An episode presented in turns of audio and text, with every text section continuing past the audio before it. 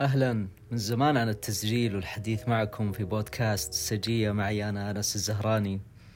بداية موسم جديد وانطلاقة جديدة تحتاج منكم الدعم. لو مهتمين لمنصة سجية بالتقييم والتعليق ونشر حلقات البودكاست السابقة وحسابات المنصة عشان الناس المستهدفة تلقى الأمان ومن يفهمها ويدعم رحلتها.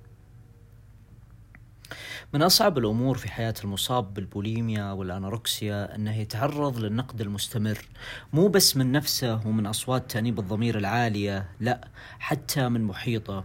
ممكن يكون الضغط وسبب الانتكاسات الدائمة هو جهل وعدم فهم الآخرين لمعاناته فيبدأون بتحويل المشكلة الحقيقية ويرونها فقط بالمظهر وليس كما هي في الواقع مع الأكل.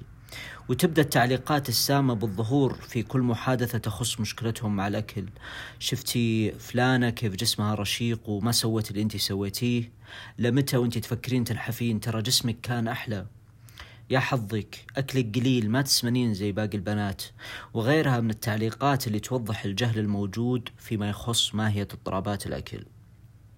ولهذا ترى تجدهم يستمرون بالتعبير عن معاناتهم الخاصة في تطبيقات التواصل الاجتماعي لأنهم وجدوا من يفهم ما يكتبونه وما يمرون به أنا أفهم اعتمادك على السوائل أو الوجبات الخفيفة التي لا تشعرك بالتخمة زي الزبادي، الخضروات، الشوفان، ولكن دعني أذكرك بأنك تحتاج في أحيان كثيرة للاستجابة الطبيعية لتلك الوجبات التي حرمت نفسك منها.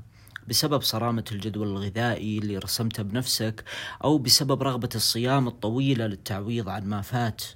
لكن أنت تحتاج للهدوء وإشباع رغبتك الطبيعية للوجبات التي حرمت جسدك منها. أنت تحتاج لذلك وبأسرع وقت لكي لا تكون علاماتك الحمراء الكثيرة على الأكل بالتحول لانفجار وبداية رحلة مختلفة مع البنج إيتينج خصوصا لو كنت في بداية إصابتك بالبوليميا. أتمنى بأنك مدرك لخطورة سلوكيات التطهير التقي عمدا استخدام المسهلات والملينات ممارسة الرياضة بقسوة الامتناع التام عن الأكل خلف جدار الصيام بالماء.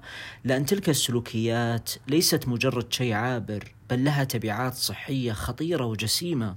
قد تسبب لك أمراض عضوية مهددة لحياتك مثل حدوث مشاكل في القلب نتيجة تكرار سلوك التقيؤ عمدا وهذا غير المشاكل الخاصة بالجلد الجفاف الحاد والشحوب ويؤدي سلوك الصيام القاسي عن الأكل لنقص حاد جدا في المعادن المؤثرة على المفاصل والعضلات التي بلا شك تؤدي لضعف في المجهود البدني.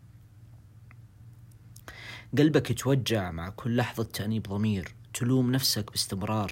تعتقد بأنك فاشل وضعيف عشانك بس سمحت لنفسك بتناول وجبة عائلية أو بعدم القدرة على مواصلة الصيام لساعات إضافية. جسدك يستحق العناية والأمان.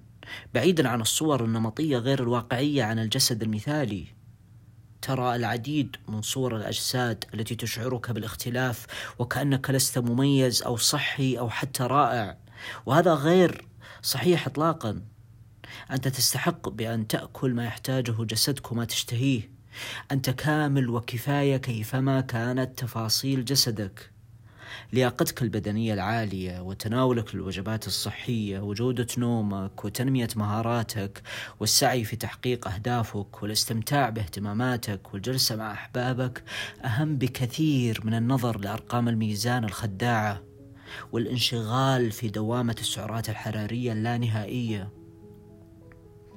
أتمنى تستمر في رحلة فهم الاضطراب وتكون صبور لو تراجع عند مختص نفسي الآن وتلتزم بالخطة العلاجية اللي أعطاك إياها. أتمنى لك الهدوء والسلام. فمان الله.